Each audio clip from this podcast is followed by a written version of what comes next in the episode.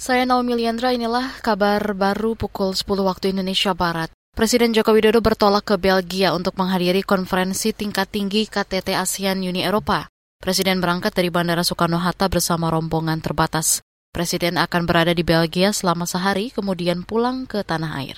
Uh, pagi hari ini saya bersama Ibu Negara dan juga delegasi terbatas akan menuju ke Brussel di Belgia dalam rangka menghadiri KTT ASEAN EU dalam rangka 45 tahun hubungan ASEAN dan Uni Eropa. Presiden Jokowi mengaku ingin meningkatkan hubungan perdagangan antara ASEAN dan Uni Eropa. Ini menjadi kunjungan Jokowi usai menerima estafet keketuaan ASEAN dari Kamboja. Indonesia akan menjadi ketua ASEAN pada tahun 2023. Wakil Presiden Maruf Amin meminta kebebasan pers media disertai dengan tanggung jawab sosial.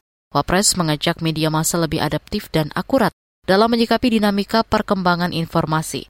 Ini disampaikan Wapres saat menghadiri Gatra Awards 2022 secara daring kemarin. Begitu pula dengan posisi strategis media massa sebagai kontrol sosial dalam kehidupan berdemokrasi. Hendaknya kebebasan pers ini mutlak disertai dengan tanggung jawab sosial dan tetap dalam koridor ketentuan hak asasi manusia. Wakil Presiden Maruf Amin mengatakan media massa menjadi bagian tidak terpisahkan dalam perjalanan bangsa. Wapres meminta peran aktif media untuk berkontribusi dalam kemajuan bangsa pasca pandemi COVID-19. Terakhir ke lantai bursa, IHSG sempat dibuka melemah 17 poin ke level 6.716. Tak lama berselang, IHSG berbalik arah dan naik ke zona hijau di awal perdagangan.